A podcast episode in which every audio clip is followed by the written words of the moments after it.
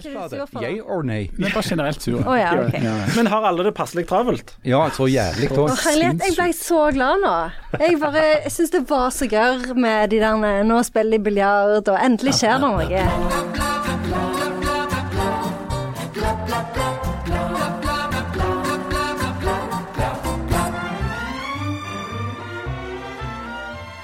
Hurra! Endelig! Lørdag klokka fire kunne vi endelig trekke inn den friske lufta av frihet igjen. Etter mange år med elendighet måtte til slutt de tyske troppene pakke sammen de stygge uniform... Vent litt. Dette er jo manuset vi brukte i 1945.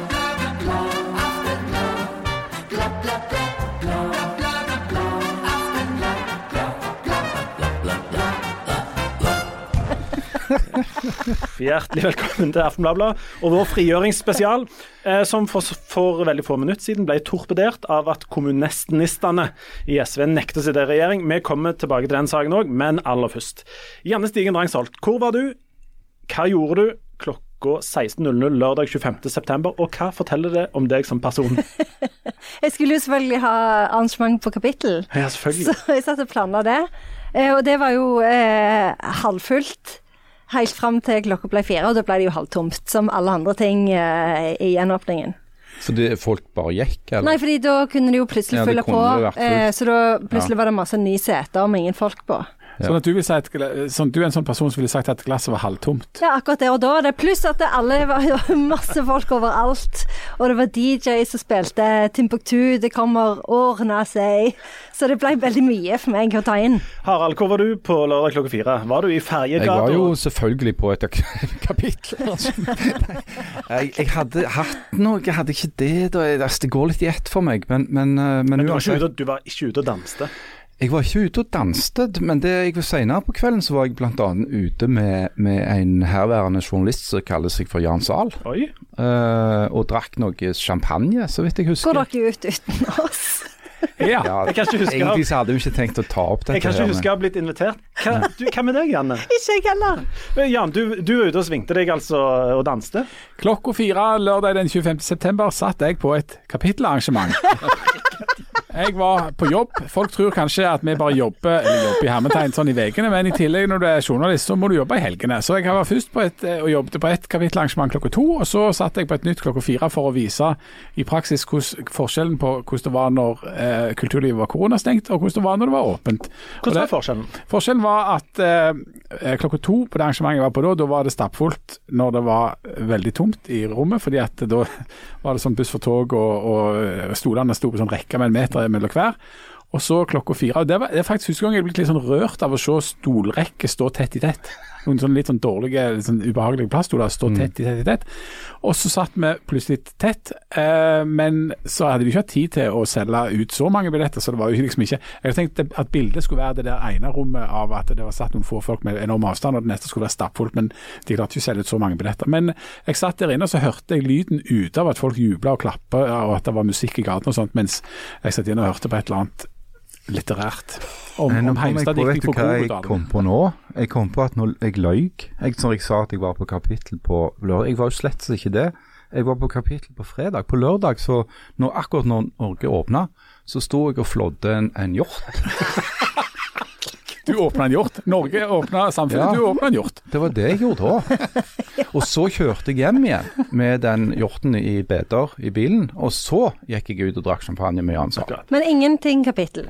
Ikke på lørdag, nei det var på fredag. Men du vet, i min alder så går det litt sånn i ett. Mm, Det gjør jo det. Altså, det er ikke så lett å skille den ene dagen fra den andre. De er Men- veldig like. Ja, men jeg gjorde, jeg gjorde noen uventa ting av meg sjøl. For jeg, jeg kjente faktisk en slags et, et stikk av glede over at det åpna opp, og det førte til, hold dere fast, at jeg klemte to folk på vei inn på det kapittelarrangementet som jeg vanligvis aldri har klemt før. Og jeg har ikke begynt med sånn klemming etterpå heller. Men det var, det var ikke ukjente du klemte? Nei, det var, ikke, det var folk jeg kjenner, men jeg, jeg har aldri klemt dem før. Eh, og, så, så det, og så tenkte jeg at fasiken, i kveld har jeg lyst til å gå ut og drikke og være på uteplasser. Så, jeg, så etter at jeg hadde et annet kapittelarrangement fra 7-8, som var eh, jobb igjen da, etter at jeg hadde på en måte sprengskriva for å nå deadline eh, ja, før det, så gikk jeg ut og tok meg et glass med vin, og så gikk jeg ut i gatene i Stavanger og tenkte at nå er det liksom frigjøringsdagen og, og 1945 og alt det greiene der. Det var tjukt i ungdom Og jeg er jo ikke en ungdom. Så der danste de, og det var lang, lang lang kø til alle de der uteplassene. Og så kom jeg på jeg liker jo ikke stor folkemengde. Det er jo det verste jeg vet. Så da sendte jeg en melding til Harald Birkevold og spurte er du ute tilfeldigvis. Og da satt han og hans nåværende forlovede på en bar der det var rolig og romslig Ja. for voksne folk. Drakk voldsomt uh, dyre champagne. Nei, men det, gjorde? ja, det er jo kjekt du spør. Ja. Jeg Nei, jeg, jeg eh, fant meg sjøl sittende i en bil på vei hjem fra hytta Selvfølgelig. sammen med kona. altså, så mer nøyaktig, hvor var det du var klok akkurat klokka fire? Vigeså. Merket du ja. noe på Vigeså? Nei, på Vigeså var det Altså, det var ingen, eh, ingen arrange, store arrangement, ikke fyrverkeri. Um, det, var, det var greit med folk inne på den Coop-butikken der, men det var ikke sånn at, uh, at det liksom kokte. Du var ikke hadde kjøttkaker og sånn på, på, på, uh, Nei. på? Nei, men, men jeg De er ganske gode, de. Ja, det vil jeg tro, men jeg tok meg selv i å sitte i bilen der og tenke at åh, jeg er litt glad jeg slipper å stå liksom og være sånn eh, f- 41-åring som står og skal danse på dagtid i ei men gate. du er jo egentlig vår folkefestmedarbeider. Ja, jeg er jo det, men- Så vanligvis så liveblogger jo du fra sånne Ja. arrangementer. Men når jeg tenkte det, så tenkte jeg òg at det er egentlig litt trist at jeg ikke er en sånn en feireperson. Jeg skulle ønske at jeg var sånn som gleder meg så enormt til dette, at jeg bare sprang ned i gatene der og danste vilt, men eh, jeg er ikke det. Jeg er en veldig kjedelig person. Vi tok med oss ungene ned på torget i Stavanger, så de skulle få se fyrverkeri og noe sånn spontankonsert. Eh, og Det var de med på. Det var litt mer sånn motivert av at, at det er en slags historisk dag. Liksom, Dette er deres gamle dager. Jeg prøvde å liksom overbevise sønnen min, som kanskje ikke syntes det var så fantastisk, å være hjemme, at ja, men når du får unger og barnebarn, skal du fortelle om at du var den dagen de åpna opp Norge igjen. Ja, ja, ja. Kan vi gå hjem lørdag, lørdagskveld? For jeg spurte mine unger vi går ned der, ser fyrverkeri, for da tenkte jeg måtte i hvert fall stille meg inn på den kanalen. Vi går ned der, det er konserter og fyrverkeri. ikke sant? Ta med dere noen, så går vi ned og ser. Svaret var er overhodet ikke interessant. Vi så en film som var ganske bra. 'Unpregnant'. Den, den, den kan jeg anbefale. Går det an? Ja. Er det en film om abort? Det handler om abort, så det var mange amerikanere som mener at den er lagd av Satan. Ser du det? Så Ja. du feirte gjennomordningen ved å se en film som er lagd av Satan? Om ja. abort. Men jeg drakk champagne òg. Ja ja, selvfølgelig. Det gjør du vel hver dag? Stemmer det? Du, der, der, jeg vet ikke om det serveres champagne eller hva det gjør oppe i Hurdalstraktene nå, men rett før vi gikk inn i studio her, så eh, kom meldingen om at SV går ut av disse regjeringssonderingene. Det er brudd. Ja, det er brudd. Det er rett og slett brudd. Det er blitt brudd. Ja, De er eh, ekstremt skuffa, ifølge Audun Lysbakken, som eh, sa til pressen at eh, SV har vært klare på at de vil være med hvis den helhetlige politikken for rettferdig fordeling og klima og natur blir bra nok. Og Det har han da åpenbart ikke blitt. Harald, hva er det som har skjedd her? Nei, eh, det som har skjedd, eh, vet jo egentlig bare de som har sittet og sondert i vei der borte i Hurdalstraktene. Men jeg har jo gjort meg en refleksjon, og det er at eh, SV har jo på en måte tatt en MDG nå. MDG gjorde jo det kunststykket å si fra på forhånd, altså til og med før valget, at det var uaktuelt å, å snakke om samarbeid med noen som ville fortsette å lete etter olje og gass på sokkelen. Eh, SV har jo på mange måter gjort det samme nå, bare at de har venta til etter valget. Eh, Når Lysbakken sier at de fikk ikke nok på klima, altså olje- og gasspolitikken, så lurer jo jeg på eh, hva han trodde at han skulle få. Fordi at de to andre partiene er jo mye større enn SV, og de har en annen olje- og gasspolitikk enn SV. Så trodde Lysbakken og hans team virkelig at de skulle kunne sette seg ned og sondere i Hurdalstraktene og få Arbeiderpartiet og Senterpartiet til å endre politikken sin? Ja, det var, mener du at det har vært spill for galleriet? Nei, ikke nødvendigvis et spill for galleriet, men, men altså, hvis det var sånn at de hadde ikke noe å gå på For det at forskjellen på SV sin politikk SV vil jo slutte å utdele ut nye ledelisenser på sokkelen. De skal ikke stenge ned alt nå, men de skal slutte å lete etter ny olje. Eh, Arbeiderpartiet og Senterpartiet er, imot mot det. De vil utvikle, ikke avvikle, som de sier, hva nå det måtte bety. Men det betyr iallfall ikke å slutte å tildele nye lisenser. Og Det er jo, sånn, det er jo et sånt ganske sånn absolutt altså Enten så deler du nye lisenser, eller så gjør du det ikke. Og Hvis det viser seg å være en absolutt grense for SV at det ikke skulle deles ut nye lisenser, så burde de egentlig ha lukta den lunta for lengst. Så det, det er et element av matematikk her. Altså SV fikk 7,5 av stemmene. Senterpartiet fikk rundt sånn 14 Ja, De fikk Også- omtrent dobbelt så mange. Og, ja, De hadde dobbelt så mange som SV, og så, hadde, eh, så fikk eh, Arbeiderpartiet dobbelt så mange som den, altså 26% Og Hvis du da tror, når du går inn i noen forhandlinger med 7,5% og du er to andre partier som er så mye større, at du skal få gjennom som Harald sier, ting som er direkte imot det de to store partiene mener, da Men du må jo huske det har jo kommet vidunderlige ting ut av å være et lite parti i regjeringsforhandlinger før. Vi husker jo alle f.eks. plastposeavgiften, pelsdyrforbudet, lakrispipene, Segway det altså, Det er jo veldig mye sånn banebrytende bi, bi, politikk. ja. biogreier, noe drivstoff òg i en Ja, noe svindelforetak og noe biodrivstoff. ja. ja. Men, men du, hvis dere skulle satt pengene deres på hvor det skårer seg, så ville dere heve huset hjem inn på olje-klimapolitikk? Ja, nei, men Det er ikke tilfeldig at Lysbakken òg peker på fordeling. Og Fordeling på SV-esk heter jo høyere skatter.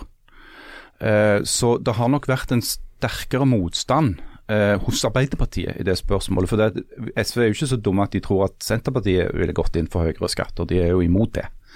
Eh, Så de trodde nok kanskje de skulle kunne klare å bevege eh, Arbeiderpartiet mer.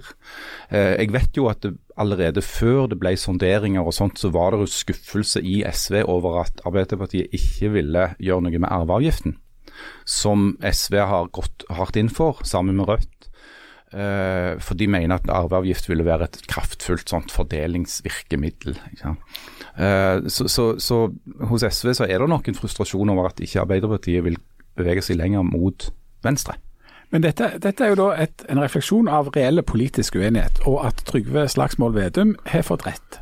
Altså, eh, Jonas Gahr sin drøm om hva som skulle bli regjering, og den er, er knust med dette, mens eh, Slagsvold Vedum han har fått rett i at det er for stor politisk avstand til SV til at det er mulig å få til en flertallsregjering. Og så er det interessant at det er SV som til slutt konkluderer med at dette går ikke, ikke at det er Senterpartiet som sier at dette, dette går ikke. Nei, men Du har nok rett i det, Jan, når du sier at eh, altså, kjøttvekter har en del å si. Og SV gikk inn i disse forhandlingene som en lillebror, eller søster, ville vel de sagt da. eh, En lillesøster. Eh, fordi de er halvparten så store som Senterpartiet. Eh, og kjøttvekt har jo noe å si. Politiske forhandlinger er jo forhandlinger om makt. Eh, og den makten de har med seg inn i de forhandlingene, er jo det stemmetallet de har i ryggen. Det er jo sånn demokrati liksom skal fungere. Så, så litt av dette er jo litt forutsigbart. Men hva som skjer nå framover, det blir jo litt spennende. Fordi SV, Lysbakken sa jo allerede på den første pressekonferansen nå at de vil være en konstruktiv eh, partner i Stortinget. Eh, og SV vil nok sikkert være det fremste støttepartiet for en, en regjering av Ap og Sp. Eh, men nå er det jo andre partier som òg begynner å spisse ørene, for de ser at her er det muligheter. I sentrum så har KrF sine tre eh, og Venstre sine åtte. De er elleve. Sp og Arbeiderpartiet trenger bare ni stemmer i forhold til flertall. sant? Sånn at de kan gå den veien. Kommer vi til å ende opp med Kjell Magne Bondevik som statsminister? Er det det du sier, sitter her og sier, Harald? Nei, jeg sier ikke det, men jeg sier at dette vil jo revitalisere sentrum. For hvis de tenker at de kan, de kan snakke med Senterpartiet, som jo har lyst til å snakke litt den veien. Og så vil det revitalisere mitt Miljøpartiet De Grønne og Rødt, som nå plutselig òg vil være eh, i stand til å komme i, i liksom, samtaleposisjon i sak til sak. Sånn at dette vil jo føre mer At det blir mye makt som flytter seg fra regjeringskvartalet og ned til Stortinget. Og da får du det som noen på fleip kaller for stortingsregjereri. At Stortinget tar mer av den makta eh, og holder på, og det blir alltid òg dyrt. En annen ting som skjedde etter dette her, um, dette ble kjent, var jo at meg, eh, meg og deg møttes, Janne. Og begge var av en eller annen grunn veldig veldig glade for at det endelig skjedde et eller annet. For vi syns det begynte å bli veldig kjedelig, det der sonderingsgreiene. sant? Uh, I sånn uh, intervju, sånn pust, pust og pes-intervju mens de går tur i skogen. Ja. Det var jeg veldig lei. Og alle var liksom sånn veldig glade. og he- var sånn Her er alle like, og eh, Ja, Det er litt sånn tøysejournalistikk. Ja, det er det. Og så fikk du liksom se ryggen til Det var en som, Slagsvold Vedum. det var en som spilte biljard, Ja. var det bilde av. Så det var veldig. Altså, som var... En jeg ikke visste hvem Men var. det skjedde endelig et eller annet der. Ja, så er jeg veldig fornøyd nå. Endelig skjer det noe. Jeg tror, jeg tror det må være en av de verste jobbene du kan ha som journalist. Det er når du må gå live fra en annen plass der det ikke skjer noen verdens ting. Så må du stå og peke bak på et hus eller en flyplass eller en, noen politisperringer, og du ser absolutt ingenting. Og det er Ja, det er bak her det skjer, og jeg vet ingenting av hva som skjer, men Rett bak meg her står eh, det, det skjer eh, sonderinger, og eh, det, av det vi vet, så vet vi ikke noe. Og så eh, du kunne liksom se hvor enormt glade de ble når det var en som ikke fikk igjen gardinen. Ja, da hadde de endelig, endelig hadde de noe løye de kunne vise. Og på et tidspunkt så var det en politibil som sto parkert. Så du ikke det? Ja. Så skrev ja, nå er det ah, politiet et sted, ja. Rett bak oss står politibilen her og uh, under sonderingene, vi vet ikke helt hvorfor politibilen står her, men der står politibil rett foran sonderingene. Men du, det som skjer nå, Jan, er at uh, vi får ei regjering av Arbeiderpartiet og Senterpartiet. Ja, en mindretallsregjering, som jo er det mest vanlige i uh, etterkrigshistorien. Det, det, er ikke så vanlig at det er flertall. Stemmer det. stemmer det. Og makta blir da flytta ifra regjering og til storting, som, som, har noen fordeler og noen ulemper. Da blir det mer sånne reelle debatter i Stortinget, faktisk. Det er ikke men, sånn at alt er avgjort på forhånd uh, på regjerings... Men så blir det vanligvis jækla dyrt òg. Ja, ja, og det bekymrer jo meg. Ja. Men, men for Du, jeg sier som kona mi sier, penger har vi nok av. Ja, ja, det er akkurat det som jeg Jeg trodde det var hjemme hos Janne de pleide å si det. Men, men, men, men, det, men det jeg er spent på, det er om, om, om, det liksom nå går ifra å være sånn her ganske sånn rød og radikalt retta regjering, til at det blir en mer sånn uh, sentrum-høyre-regjering. Altså, altså vil, vil, vil, politikken på en måte da flyttes ja, må jo flyttes til en annen retning, da? Ja, altså du kan vel si at altså, hvis det nå blir danna en, en for en sånn klimablokk i Stortinget, bestående av de som ønsker å gå ganske langt i den radikale retningen i klimapolitikken, så har du jo, og jeg ramser opp da, Rødt, MDG, SV, Venstre. En masse miniparti. Ja, men til sammen Mens på den andre siden så er det f.eks. Eh, Arbeiderpartiet, som er Norges nøst, ja. nei, største parti. Høyre, som er Norges nest største parti. Senterpartiet, som er vel nummer tre. Ja, men jeg sier bare at der har du en blokk. Ja? Og så har du en annen blokk som er, er veldig sånn oljefull gass med Fremskrittspartiet og til dels Senterpartiet i spissen. Og så skal jo Arbeiderpartiet da spille den vanlige rollen, da, som en sånn parti som prøver å balansere to syn. Og få kritikk fra begge fløyene. Men det er klart at eh, hvis det kommer på spissen, eh, så kan jo selvfølgelig en regjering av Ap og Senterpartiet danne flertall i oljepolitikken med blå side. Mm. Eh, det går jo fint an, det. Men spørsmålet er jo hva pris det kommer med, da. Hvor mange broer de har brent den andre veien. Og Nå er jo prisen ganske god på da, Den bikka 80 dollar nå fatet. og Det er sånn som jeg går rundt er opptatt av her i, det går så det. Nå går det sinnssykt godt. Voldsom optimisme i næringslivet. På universitetet der er det sikkert pessimisme, pessimisme, som alltid. Ja, vi er jo kjempesure nå. Ja, ja, ja. Er det det? Mm. Er det noen spesiell grunn til at dere er sure, eller bare sånn generelt mm, sure? nei, bare generelt, egentlig. Ja. Mm. Det er en annen konsekvens òg av at SV har forlatt disse regjering, og ikke havner i regjering nå. Og det er at vi fire i et svakt øyeblikk, initiert av undertegnede. Å oh, nei. Kom med noen spådommer om hvordan dette kommer til å gå. Og jeg åpner vel ballet med å si at jeg er helt sikker på at regjeringen kommer til å bestå av Arbeiderpartiet, Senterpartiet og Sosialistisk Venstreparti. Sa alle det? Jeg sa det først. Oh, ja. Og så sa jeg hvis ikke det skjer, så får jeg vel begynne å drikke. Så overlot jeg denne litt klamme stafettpinnen til Jan tror jeg, som eh, var helt enig i det. Og eh, antyda vel at han kom til å begynne med narkotika hvis det ikke ble sånn. Han, han antyda det ikke, han sa at han skulle. Ja. Ja. Og der du, Harald, vel litt feigt sa jeg er helt enig med Jan, så det får bli det. Mens du, Janne? Nei, nei. Men han så... sa jo han skulle slutte å drikke. Det var det, ja. Sånn var det. Han, du skulle slutte å drikke. Sa jeg det? Ja, du har sagt det. Når var det jeg sa det? I Arendal. På Arendalsuka. Nei, jeg var sikkert full. Ja. Og, ja. Men og så for å øke dette, da, så legger Janne på altså, bordet to, Topper de forbi av, Begynner å drikke, slutter å drikke og begynner med narkotika. Nå skal vi høre liksom trommevirvel og toppe driten. og Janne legger på bordet tidenes bet. Og det er at hvis ikke det blir de tre partiene, så skulle du begynne å snakke mye mer i møtene på jobb. Det kan jeg jo ikke, for jeg er jo SoMe-ansvarlig nå for Sandnes Ulf-damer. Er? Så jeg kan ikke ta på meg noe. Du må begynne å snakke mye mer i møter. Du sa at du skulle gjøre det, jeg husker det nå. Hvis du gjerne ikke begynner med det, så begynner ikke jeg med narkotika. Hva slags narkotika det du skal begynne med? ikke jeg å drikke. Jeg kan introdusere deg for, for et par sånne innstegsmodeller. Oh, ja, for det er det jeg gruer meg på å ha hatt mareritt om nettene. Hva er det jeg må begynne med? Men hvis Kjell Magne Bondevik blir statsminister nå Da all bets off. Ja. All bets off. Ja. Og, det, og, Jeg har fremdeles en teori om at for dette, nå er det mye sånn sonderinger, og nå er det litt flytting av det inn, sånn, inn mot sentrum, masse greier. Min teori er at gi det et par uker, så har vi Kjell Magne Bondevik og bare sånn eh, straight ahead-regjering som bare fortsetter med det vi holder på med. Men det som var litt uklart ja, ja, okay. i, i veddemålet hvis... Jeg tar ikke noe veddemål på det. Jeg er veldig overraska over denne meningen. Ja, jeg er litt, litt overraska, men Men den, for, det, for det vi diskuterte en tidligere gang, var jo om, om vi allikevel kan la være å begynne, å bli, begynne med alkohol og narkotika, eller slutte eventuelt. Eller hvis det er sånn at det blir en mindretallsregjering, men allikevel som støtter seg på SV. Det, det er litt Du ser deg om etter en utvei nå, så du skal slippe å begynne med narkotika? Ja, Vi ser etter en utvei, og hvis vi alle skal være ærlige, så ser vi etter en utvei. Jeg ser at Du Harald, du er den som flakker mest med øynene når dette Jeg vet jo allerede nå at det avholdsløftet kommer ikke til å holde. Og Janne vet vi av eh, interne chatgrupper at dette med å holde drøsen i gang i sånne jobbmøter, det kommer ikke hun til Jeg har å sett på legge statistikken, og jeg, har, jeg ser tydelig at jeg drikker ekstra mye hvis det er mindretallsregjering. Helt siden krigen. Helt Helt siden krigen har jeg gjort det. Men skal vi da ta den feige utveien og si at så lenge den nye regjeringa på et eller annet tidspunkt, selv i den minste sak, samarbeider bitte litt med noen som har Ja. hørt om SV, så trekker vi oss fra fra inngått veddemål? Deal. Jeg vil ut av den avtalen, det er helt åpenbart. Men Kan jeg vil at Jan skal, stå, han skal fortsette å stå på. Men er det ikke strengt tatt kriminelt å, å ta narkotika? Jo, de sier det. Så jeg havner i fengsel? Jeg kommer, Ja. altså, Du kan komme litt i fengsel og sånn. resultatet av Barnevernet kommer jo og tar ungene, det er et pluss. ja, men, men resultatet av bruddet i sonderingene er at jeg blir narkoman og havner i fengsel. Det er jo dramatisk. Ja, mister foreldreansvaret. Ja.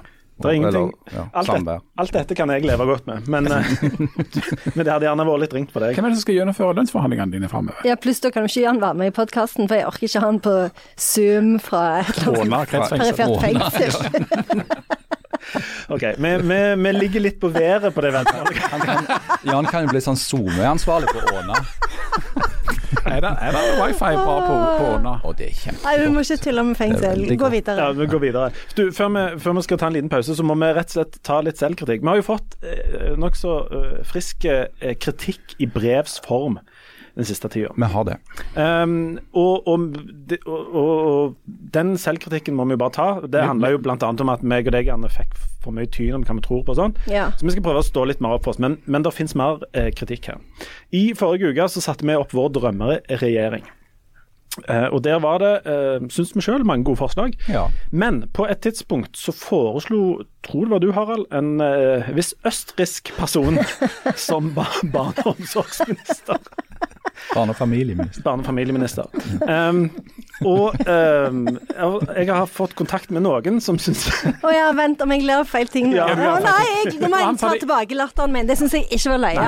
Han hadde innreda kjellerstua. Ja, ja, nei, jeg gjør ikke det. Jeg trodde det var snakk om en fotballspiller nå. Nei. Han har et navn som Ja. kan rime på Schmosef Ja, Schnitzel. OK. Um, og, og det er ikke løye at vi, vi vurderte han som barne- og familieminister. Uh, Harald, tar du selvkritikk? Nei, jeg gjør ikke det. Ok. Og i samme regjeringskabal så var vi litt uheldige der vi på et tidspunkt Vi tok livet av Martin Skanke. Ja. Det var ikke bra. Det tar jeg ikke på. Ja. Nemlig. Fordi, Men vi stilte jo spørsmålet. ja. ja, det var det jeg gjorde. Ja. Jeg sa bare 'er levende'. For det er av og til sånn, jeg kommer på noen jeg ikke har tenkt på på kjempelenge. Så tenker jeg, er de fortsatt blant oss, eller har de gått videre eller, til, til herligheten? Jeg har òg mange sånne som jeg egentlig lurer på om er i live. Men, men bare for å ha det på det rene. Martin Skanke er blant oss. Alive and kicking. Ja. Så han er fremdeles vår samferdselsminister. Det er han. Ja, men du tar selvkritikk? Selvfølgelig. På det med Skanke, ja. Ja. ja. Ja, med mindre jeg fjerner han fra den posten. Hvem vil du ha istedenfor? Jeg vet ikke, jeg. Det kan være, kan være jeg tenker litt på det. Ja. Petter Solberg. Ja, han virker veldig Eller han sympatisk, Dennis syns jeg. Hauger. Han, han, er, Hvem? han kan Hvem er det? kjøre Han har akkurat vunnet Formel 3-mesterskapet. Ah, ja. ja, jeg vurderer de. Og så er det en, en annen liten ting som bare skal nevne, og det er at de siste ukene har det vært litt krøll med eh, reklamespottene som eh, driver og forstyrrer oss i denne podkasten. De har kommet litt eh, oppå hverandre, litt for, eh, det har vært litt for mye av det. Men det skal nå være fiksa for de som har, eh, har nevnt Men-. Jeg regner med at du Harald tar selvkritikk på det med den reklame Jeg tar selvkritikk på det. Og så tar vi òg selv, beinhard selvkritikk på én ting til. Jeg vet Ja. ikke om du har tenkt å nevne det, men vi skylder en del folk T-skjorter. Ja. Ja, nå må Eh, være forsiktig. Hvordan skal vi finne ut hvem og hvordan? Nei, vi bare sender litt sånn random ut. Ja, Eh, å, ja. Men vi har en del T-skjorter som vi skal håpe å få sendt ifra oss. Vi er ikke så gode på det med logistikk i denne podkasten. Det må vi kunne si. Og vi har òg Det er faktisk Vi fikk ganske mye postkort i sommer, og det er noen der òg vi rett og slett ikke har fått tid til å lese opp, og vi tar selvkritikk på det òg. Men vi, Vi satser på å få det gjort før jul, som de sier på Hurdalssjøen. Ok, vi, vi må ta en liten uh, kjapp pause, så er vi tilbake med mer selvkritikk og mer om frigjøringsdag.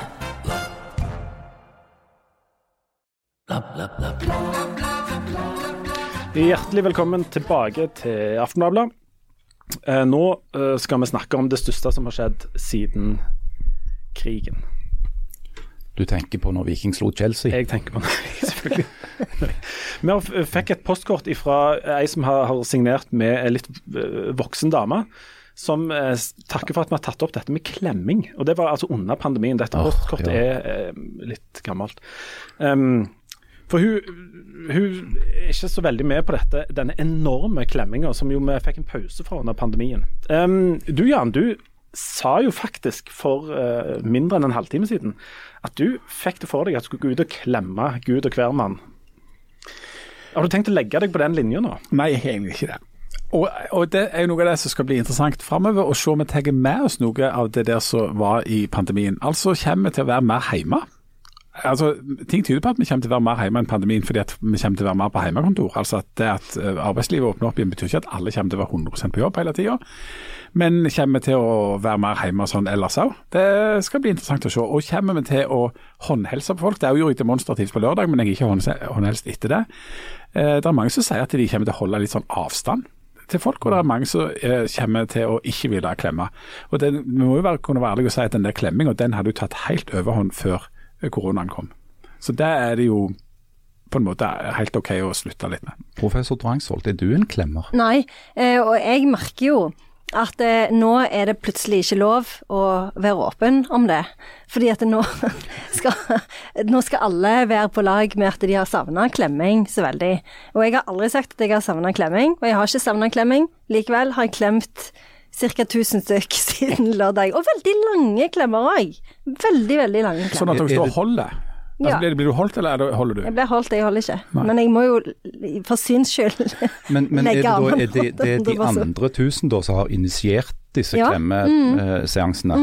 Ja, for det har skjedd med meg òg, nemlig. Ja, det jeg, har er heller, jeg er jo ingen klemmer Nei. i det hele tatt, snarere tvert imot. Men, men det hendte jo, jo da i helgen, særlig på lørdag, at en ble eh, klemt opp i et hjørne, på en måte. Manhandled. Ja. Ja, og ikke, ikke på en god måte, Men da. så er det jo sånn at det er, noe, det er noen som er greit gode til å klemme. Ja, det er sant. Altså Særlig damer. da. Ja. Manneklemming er jeg på generelt grunnlag imot. Ja. Uh, men noen ytterst få unntak. ja. Uh, men dam, at det er noen damer som, som deler ut veldig gode klemmer. Ja, jeg er helt enig, det må jeg si. For jeg fikk noen dameklemmer. Eh, og det var damer eh, som ha, hadde eh, krøllete, langt, stort hår. Og som lukta helt sykt godt. Ikke sant? Og det var veldig, det syns jeg var veldig fint. Ja. Så, men de verste klemmene er jo eh, Det har vi gjerne snakket om før, men de, de har jeg jo ikke fått ennå. Men de er jo de når folk tar deg i hånda, og så skal du klemme, og så dunker bare det der skinnbeinet inntil. Det hater jeg. Men det der med håndhilsing, det syns jeg bare vi rett og slett bare Ja, kunne slutte Det er ikke nødvendig. I går så var jeg på mange fotballkamper, eh, og på den ene så var det plutselig sånn Nå skal vi takke for kampen. Og da skulle de plutselig ta hverandre i hånda. Nei. Ja, og det skjønner jeg ikke. Hvorfor må det rett tilbake igjen? Eh, det det Ja. syns jeg er veldig vanskelig å forstå. Og de Altså, er jo ikke vaksinert engang. Mm. Kjempegreier. Ja, eller albuen. albuen. Fungerer bra. fag, fagfolk Ja. har jo òg faktisk sagt at um, det, akkurat det med håndhilsing er kanskje noe av det mest effektive vi kan gjøre. Um, ikke bare pga. korona, men altså sånn jevnt over pga. Altså, sykdommer og bakterier. Og, Ja, vi kan bare slutte med det. Det er skikkelig grisete skikk. Bare holde opp med det. men hva skal vi da gjøre? Skal vi fortsette med knoken? Nei, vi kan ikke gjøre hilsener som minner oss om enkelte mørke år i, i, på 40-tallet. Nei, altså, jeg mener den der, den der fistbumpen. Dunk rett borti med knoken. Kjempebra. Da holder vi oss til den. Janne, er der, um, har du lagt deg til noen vaner i løpet av denne pandemiperioden som du tenker at ja, det, det, den skal jeg faktisk fortsette med, utenom klemming og håndhilsing? Ja, jeg eh, syns jo at det er veldig, veldig greit å ha eh, veiledning f.eks. via Zoom. For da kan du dele dokumenter og sånn. Så det er sånn, noen sånne arbeidsoppgaver som jeg syns er lettere på, på Zoom, og som jeg skal fortsette med. Eh, og så syns jeg jo at det, sånn som jeg ser jo eh, sånn som På universitetet så fikk vi jo beskjed med en gang at nå kan alle komme tilbake på kontoret, og eh, helst gjøre det. Men eh, sånn, eh, når jeg leser utenlandske aviser, så er det jo tydelig at de er innstilt på å fortsette med fjernkontor, eller hjemmekontor. Og det kunne jeg veldig godt fortsette, tenkt meg å Jeg fortsette vil med. at, for, at vi bare rett og slett bare skal fortsette med håndsprit. Eh, for jeg har blitt veldig knytta til håndsprit. Og, og i pandemien dette halvannet året så har jeg òg blitt noe av en kjenner når det gjelder håndsprit. Altså de plassene som butikker som har god håndsprit, jeg går heller der. F.eks. Coop Extra i Canik i Stavanger. Jækla bra håndsprit. Og når jeg kom inn på, faktisk på lørdag for å kjøpe et eller annet, hadde de tatt vekk håndspriten som en slags del av den generelle markeringen. Det syns jeg de skulle holdt seg for gode til. Jeg ser enormt fram til at det ikke er håndsprit noen plass lenger, for jeg har da atopisk eksem. Sånn at jeg har nå hatt halvannet år i den grad jeg kunne være i kontakt med denne, med denne eh, håndspriten, så jeg kunne skrelle fingrene mine, eller så jeg har sånne åpne sår i, i hendene hele tida. Prøv å gni deg inn med håndsprit i de åpne sårene hver dag ca. Men jeg, kan jeg bare si en ting til som jeg syns har blitt bedre. Jeg syns folk har blitt mye flinkere å stå i kø eh, under pandemien, så det håper jeg jo fortsetter òg. Denne ja. håndspriten trodde jeg kanskje var en av de tingene som kommer til å være evig. Altså at det står en sånn en dispenser på vei inn i en butikk, f.eks. Jeg mm. ser ikke helt at det skal forsvinne helt. Da får du Jan, heller bare smuldre opp. Du kan jo bare la være å bruke den. Jeg kan la være å bruke butikkene, det gjør jeg jo så godt jeg kan. Nei, altså bare spriten. Du trenger jo ikke bruke den. Ja, nei, nei, jeg, jeg, ja, jeg har ikke brukt, jeg har ikke brukt uh, håndsprit, nei. omtrent. Nei, jeg elsker spesielt den spriten som virkelig lukter sånn sprit. Altså det lukter jo ja. sånn sprit ja, det, du, du, kan drikke. Den. Det er kjempegodt. Også den som blir sånn psh. Ja, den, ikke den der. Ja. Nei, ikke den der kremen. Nei, For eksempel på Ikea. Å, den er grusom. Det er den verste. Det er den aller verste. Mm. Hva skal dere på Ikea? Kjøpe Av og til så må du jo på Ikea. Du altså, kjøper de der lysene. Ja. Luktelys. Mm, særlig nå. Ja. Ok, men du, nå, nå, den, nå, har vi på en måte eh, Vi later iallfall som vi har lagt bak oss denne pandemien. Noe vi jo vitterlig ikke har. Nei. For denne, vi har et bitte lite hjørne i verden der eh, vi har fått dette under en slags kontroll, eller vi har fått uh, fått den ned til noe vi kan leve med. Um, er vi blitt veldig sånn nærsynte når vi snakker om dette som om det er over? Ja, klart det. Altså, det er jo ikke over. Og faktisk, det som kommer til å skje nå, for det at vi har uh, gjenåpna og avlyst meteren og de, det jo, betyr at det kommer jo mer korona i Norge nå enn det har vært før. Og, men vi blir jo ikke så syke, for de fleste har jo vært uh, fornuftige nok til å gå og vaksinere seg. Nå er det jo de kneppskallene som ikke vil vaksinere seg, og så er det de som ikke kan. Det er to veldig forskjellige grupper. De som ikke kan, har jeg ingen beef med. De som ikke vil, har jeg en beef med. Fortell. Nei, altså det er jo Grunnen til at vi måtte vente med gjenåpningen, er jo at det er folk som ikke gidder å ta vaksine. Bare bruk adjektiver her, det er lov. Eh, altså Det er folk, en del yngre, eh, som har fått den første dosen, og som bare ikke gidder å gå og ta den andre. Det er folk som sier sånne ting som at ja, men jeg har ikke lyst for du hørte du blir så syk av den der andre dosen med Moderna. Sånn, altså, herregud, du blir mye sykere av korona. Så kan du ikke bare gå og ta den. Uh, og så er det jo de der med litt mer aktivistiske kneppskallene som er sånn klimaskeptikere, eller vaksineskeptikere. De er òg alltid klimaskeptikere. eh, de òg må bare rett og slett bare ta seg sammen. Eh, holde opp med det tøyset. Eh, jeg så en forferdelig tabell fra USA her en dag. Eh, hvor, det er jo et direkte sammenfold mellom hva folk stemmer og hvor mye vaksine de tar. Og de, de stedene i USA hvor folk fortsatt dør i hopetall hvor det fortsatt er full krise, er de republikanske, de mest republikanske delstatene hvor folk ikke tar vaksinen. Så vaksiner virker. Hvis du tar vaksinen, så er sjansen for å bli syk mye, mye, mye lavere. Så kan ikke folk bare gjøre det.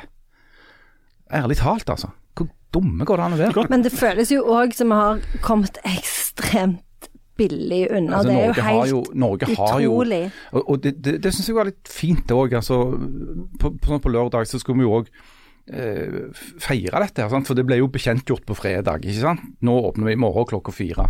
Så da hadde jo heldigvis Aftenbladet òg tid til å lage liksom, journalistikk på dette som kunne komme med i papiraviser på lørdagen og kunne liksom markere dette her. Og det er klart at altså, selv om ting skal evalueres, uh, og, og, det sikkert vil dukke opp nye historier om ting som ikke var optimalt, så i det store og det hele så har jo Norge håndtert dette her enormt bra på alle nivåer. Liksom fra regjeringen og helt ned til den enkelte mann og kvinne. Jeg tenkte at vi skulle begynne å føre litt sånn karakterbok nå over, over pandemien, i og med at vi har på, sett og vis satt et slags punktum for det. Du Janne, du nevnte jo det. Vi har sluppet billig unna. Og alle som slipper billig unna, slipper jo billig unna fordi de er rike i alle samfunnets alle kroker. Um, vi har jo kunnet hive, hive penger på dette problemet, sånn som har sånn som vi gjør på alle problemer.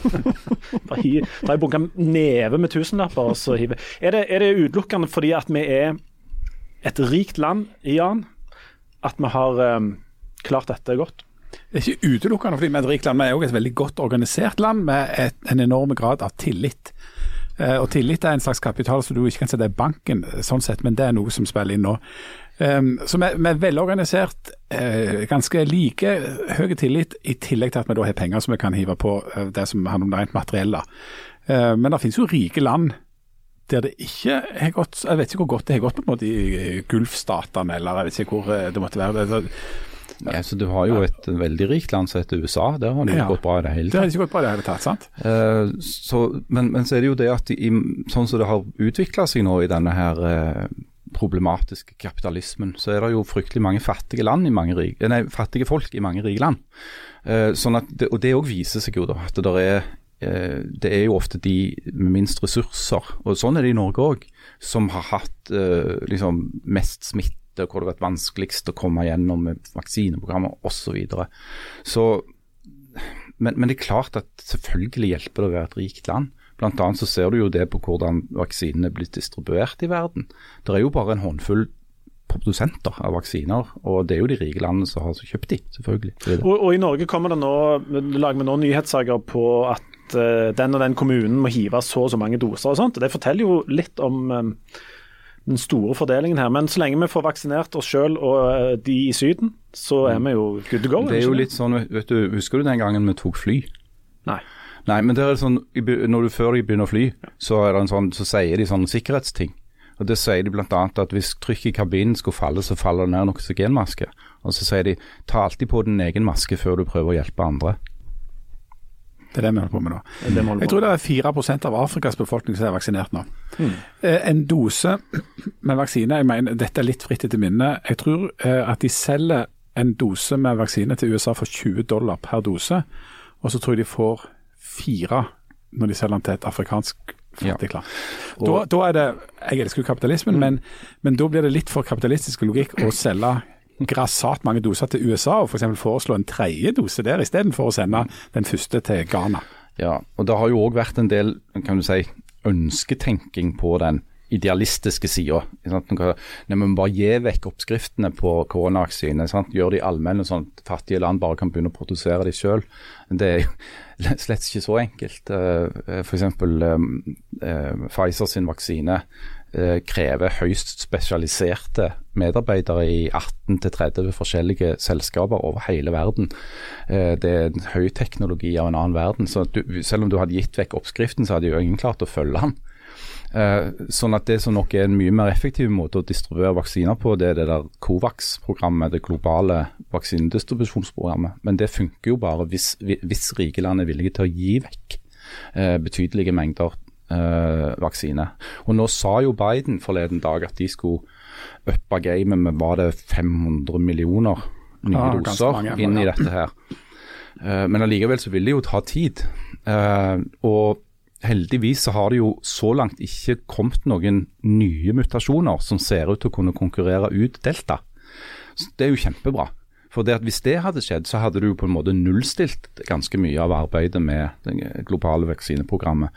Men så lenge delta nå bank i bordet blir liksom den siste varianten av korona før vi har fått kontroll, så vil jo dette over tid, kanskje ut i neste år en gang, vil du ha få vaksinert i alle fall risikogruppene i mange utviklingsland.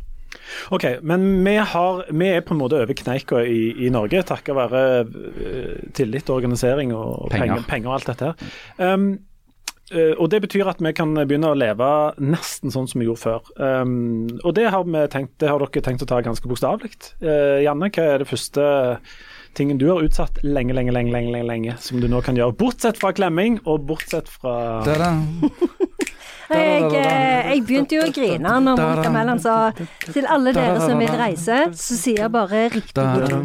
Så lasta jeg ned den appen. Reiseklar. Ja, Hva sier Stavros? Har han, har han rom i er så sur. Han er kjempesur. Har han satt ozon på kjøling og slakta noen geiter? han liker jo ikke meg i det hele tatt, så det er jo bare litt sånn så eh, Når jeg er i kontakt med Stavros, så må jeg være veldig forsiktig, fordi jeg vet jo at reiser han dere akkurat til han hele veien? Nei, han er jo, jeg skjønner jo at han ikke liksom? liker meg. Jeg er jo en ganske masete person. Og han er jo litt mer sånn som Harald, og jeg er litt mer sånn som meg, så han syns jo jeg er en sånn mygg hele tiden som driver og maser inni øret. Det er jo Harald som driver og gir deg komplimenter hele tiden. Ja, ja, men, men jeg. Harald har jeg klart å vinne over, men hvis du hadde vært Jeg hvis du ikke hadde- elsker jo deg, Jeg vet jo det, men hvis du hadde vært en sånn steg sjøl, men ikke likt meg, da hadde du vært Stavros. Så jeg liker jo Stavros veldig godt, men han liker Men ikke du meg maser tilbake. ikke så mye på meg heller, da. Nei, jeg gjør ikke det. Men, eh, et, spørsmål. Men jeg maser ikke så mye om Stavros heller, sånn som eksempel når han sier at han har vondt i kneet. Så jeg er sånn 'Å, stakkar deg, går det bra liksom med kneet ditt?' Og så gidder han ikke svare meg. For da liksom han har sagt det som han vil si om det kneet. Det er typisk. Så, altså, her sender du tekstmelding hele tida til Stavros, og så svarer han ikke, og så syns Ja. han du er masete. Ja. Men du, for, for oss som ikke Han som liker meg enda mindre, er sønnen til Stavros. Petros. Petros. Ja.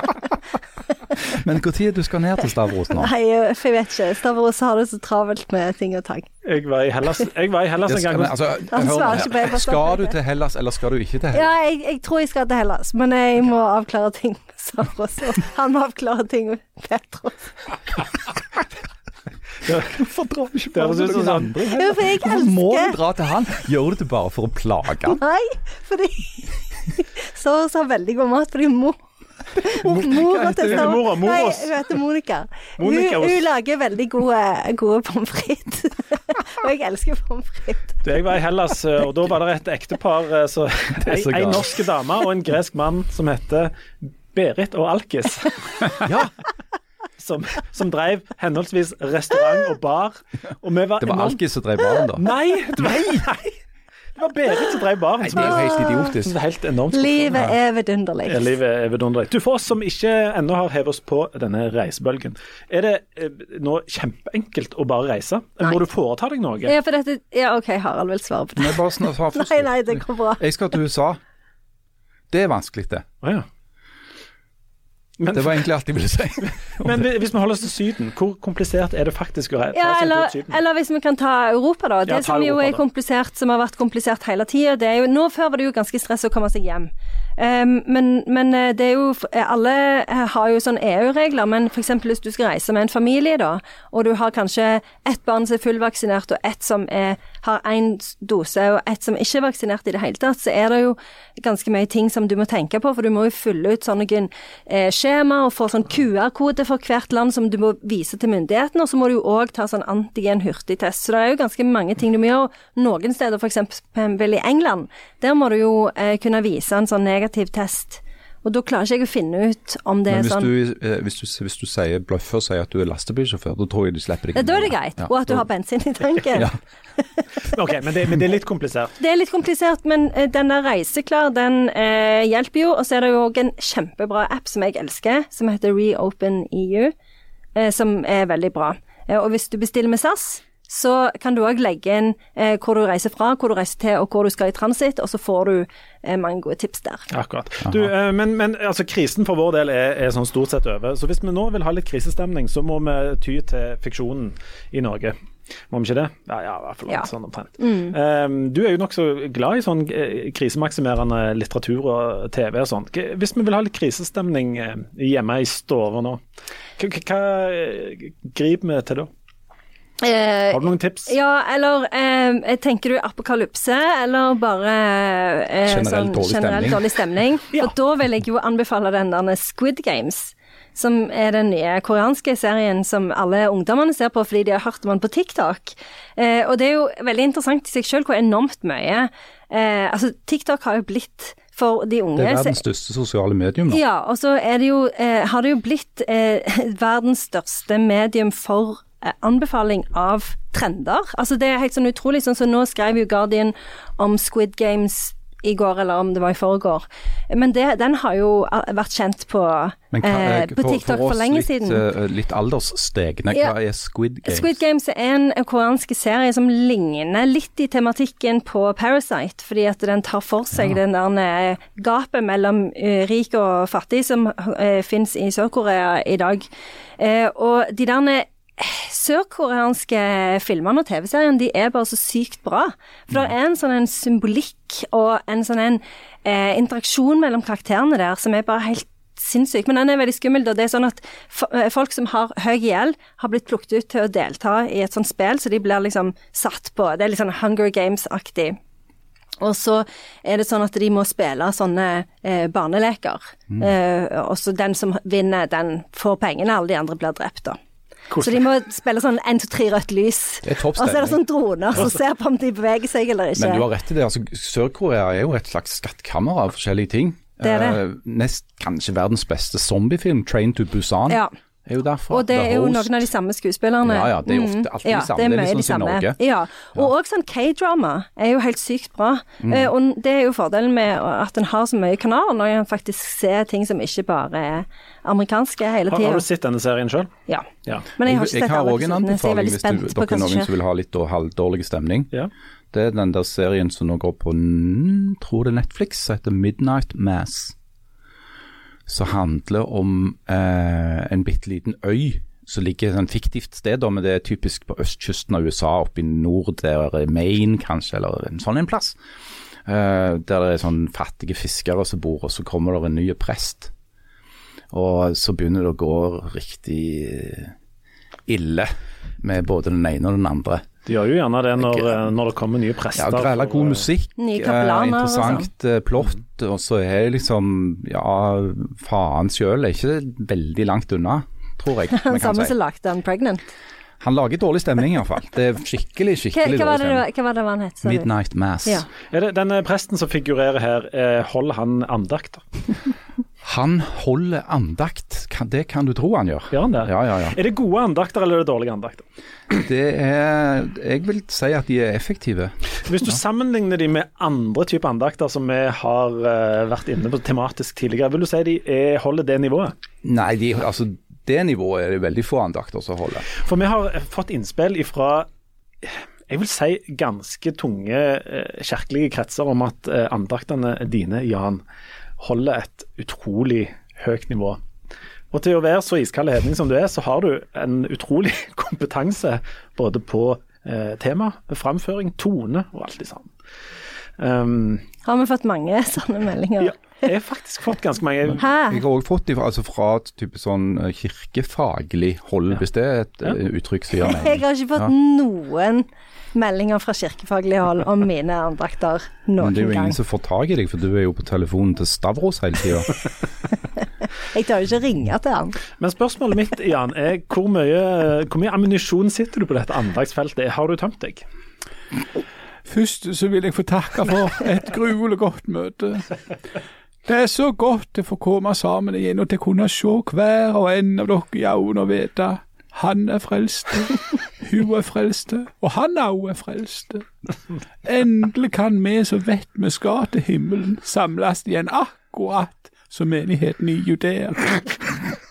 Så det står i Skrifta Menigheten hadde nu fred over hele Judea og Galilea og Samaria. Den oppbyggede som vandret i Herrens frykt og vokste ved Den hellige ånds hjelp. Så er det jo slik at vi som har store hus, vi har jo klart oss godt gjennom pandemien. Du vet, vi bygde ganske stort, og vi bygde i sin tid, men så har vi jo bygd på flere ganger etterpå, så nå er det romslig. Det var sånn Jeremia sa, det var ganske liten. I min fars hus er det mange rom. Ja, da lo vi godt, kan du tro. Og så at han var så god i bibelkunna. Nei, han er god, Jeremias. Nei, nå er det meste som jeg snakker meg vekk. For det jeg skulle si, det var at jeg føler det meste som har vært ute i ørkenen det siste halvannet året. Men akkurat som Moses ledet israelittene til Kanans land, så har Kristelig Folkeparti-regjeringa vår ledet oss trygt ut på den andre sida. Og det er da jeg ikke kan forstå at ikke flere stemte på dem, men på gudløysa. Og du så det nå med en gang nå i helga. Det var dansing, og det var drikking, og det, vet veldig godt hva som kan komme ut av det. Og det var derfor jeg ville snakke til dere nå, ungdom, og få si at selv om det nå er lov å være nimme, så er det tryggest å ikke være for nimme. Det må for all del ikke høre på Bent Høie eller andre som oppfordrer til utukt og sædløse. Nei, det må huse det som står i Johannes 2,16. For alt det som er i verden, kjødets lyst, øynenes lyst og storaktighet i levnet, er ikke av Faderen, men av verden. Og verden forgår og dens lyst. Men den som gjør Guds vilje, blir til evig tid. Amen.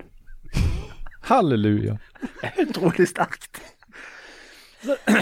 Ja, nei, jeg Det er jo, det er jo eh, i tiden, kanskje Ja. også litt ute av tiden på en måte. det var en samfunnsaktuell, ja. samfunnsaktuell Ja, jeg syns det. Og det var det som imponerte meg mest, at du, det, koblingen med Jeremia, Judea og pandemien og Bent Høie. Pluss at jeg blir veldig full av religiøs angst. Blir du det? Ja, veldig. Har du vært Så, mye nimme? Ja, det var det der med 216. Nei, det er 316. Eh, Er det ikke 316? du sa 316 er jo kjærlighetsbudet. Ja, eh, Ja, dette var 216. Ja, Dette var 216. 316 er jo ikke et problem. 216 Hva er det som er undergangen, da? Nei, ja, eh, materiell Det er jo mammaen. Ja, men hva, hva, er, Er det ikke det? Hva Johannes 316 er for noe? Er det en, Det er jo kjærlighetsbudet, Og så det høyt har. Gud elsket verden. Å han ja, ga ok, sin ja, men dette var 216, så Ja. her er det ikke noe kjærlighetsbud. Nei, heller tvert imot. Det var vel en slags advaring om å, Ja, å det ikke, ikke gå for langt inn i, inn i det. Ja. Nei, men jeg syns det var en, nok en, eh, en Det var en, det var en god preik. god Ja. preik. Det var gruelig godt møte. Det var gruelig godt. Ja. Nå kan vi ta, ta opp eh, det rette taktisk riktige etter en sånn en andakt, er jo bare å gå rett over på kollekten, for da har folk Ja, ja. enten så oppstemte eller så dårlig samvittighet at de gir godt. Mm.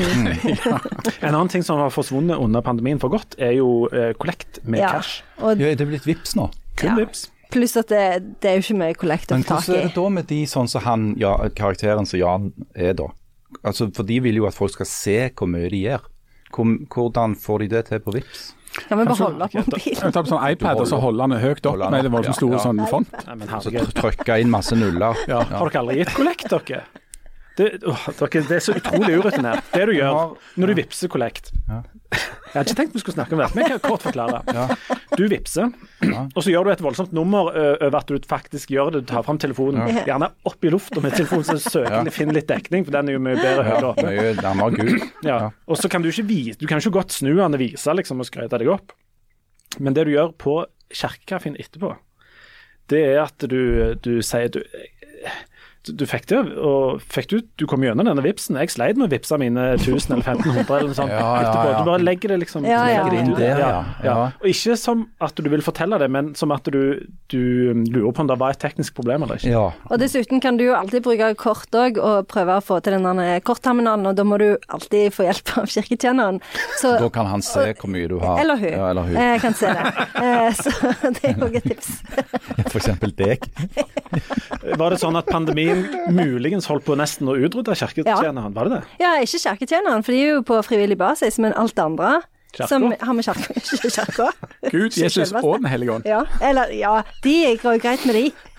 Men det har jo ikke vært noen inntekter. Du, eh, vi skal avslutte, men eh, vi hadde jo eh, eh, vi, hadde jo, vi har jo nå bestemt oss for å aldri inngå veddemål igjen. Men jeg tenkte Ja, vi kunne ta et lite veddemål på slutten. nei, vi må ikke gjøre det. nei. okay.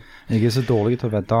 Men er det alltid sånn eh, Det er alltid en regel at hvis Kjell Magne Bondevik blir statsminister, så All bets. Ja. Det er en sånn Da satser vi 100 på at du, Kjell Magne Bondevik, vi vet du hører på, eh, tar denne jobben. For hvis ikke så går det til hundene med Jan, det går til hundene med Harald, det går til hundene med meg, Kom tilbake, Kjell Magne. og Janne går til grunne. Jeg hørte han på radioen den dagen han eh, brukte hersketeknikker Can i you Øst hear og Vest, og virker veldig friske. Nå må ikke du kritisere Kjell Magne Bondevik, for Men hele livet vårt altså, er avhengig av at han gjør Si at. Kjell Magne Bondevik ikke kan, eller sant, at han er forhindra, har gyldig grunn. Hva med sønnen?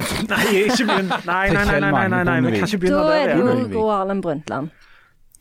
Vi må gi oss før dette sklir fullstendig ut. Men hva var veddemålet, da? Nei, vi skal ikke ha flere nei. veddemål. Vi satser på at Kjell Magne Bondevik kommer som en slags sånn Kristusfigur og redder oss alle, og at Jan har andakt om det neste uke. Og fram til neste uke så får dere ha det fint, så snakkes vi. Ha det! Ha det. Ha det. Se det! Var en god preik. Ja, nei, han, han var veldig skummel. Så kjemperedd. Er Samaria. Ja. Vi hadde Jeg snakket på om kartene når jeg døden gikk på tidligere på skolen da jeg var radioen i liten. Ja, Da hadde vi kart over. Jødeland. ja, for hvor lå Samaria i forhold til Judea? Judea litt nord, altså nord i Israel. Ja. og Samaria så. Og det er litt lenger sør.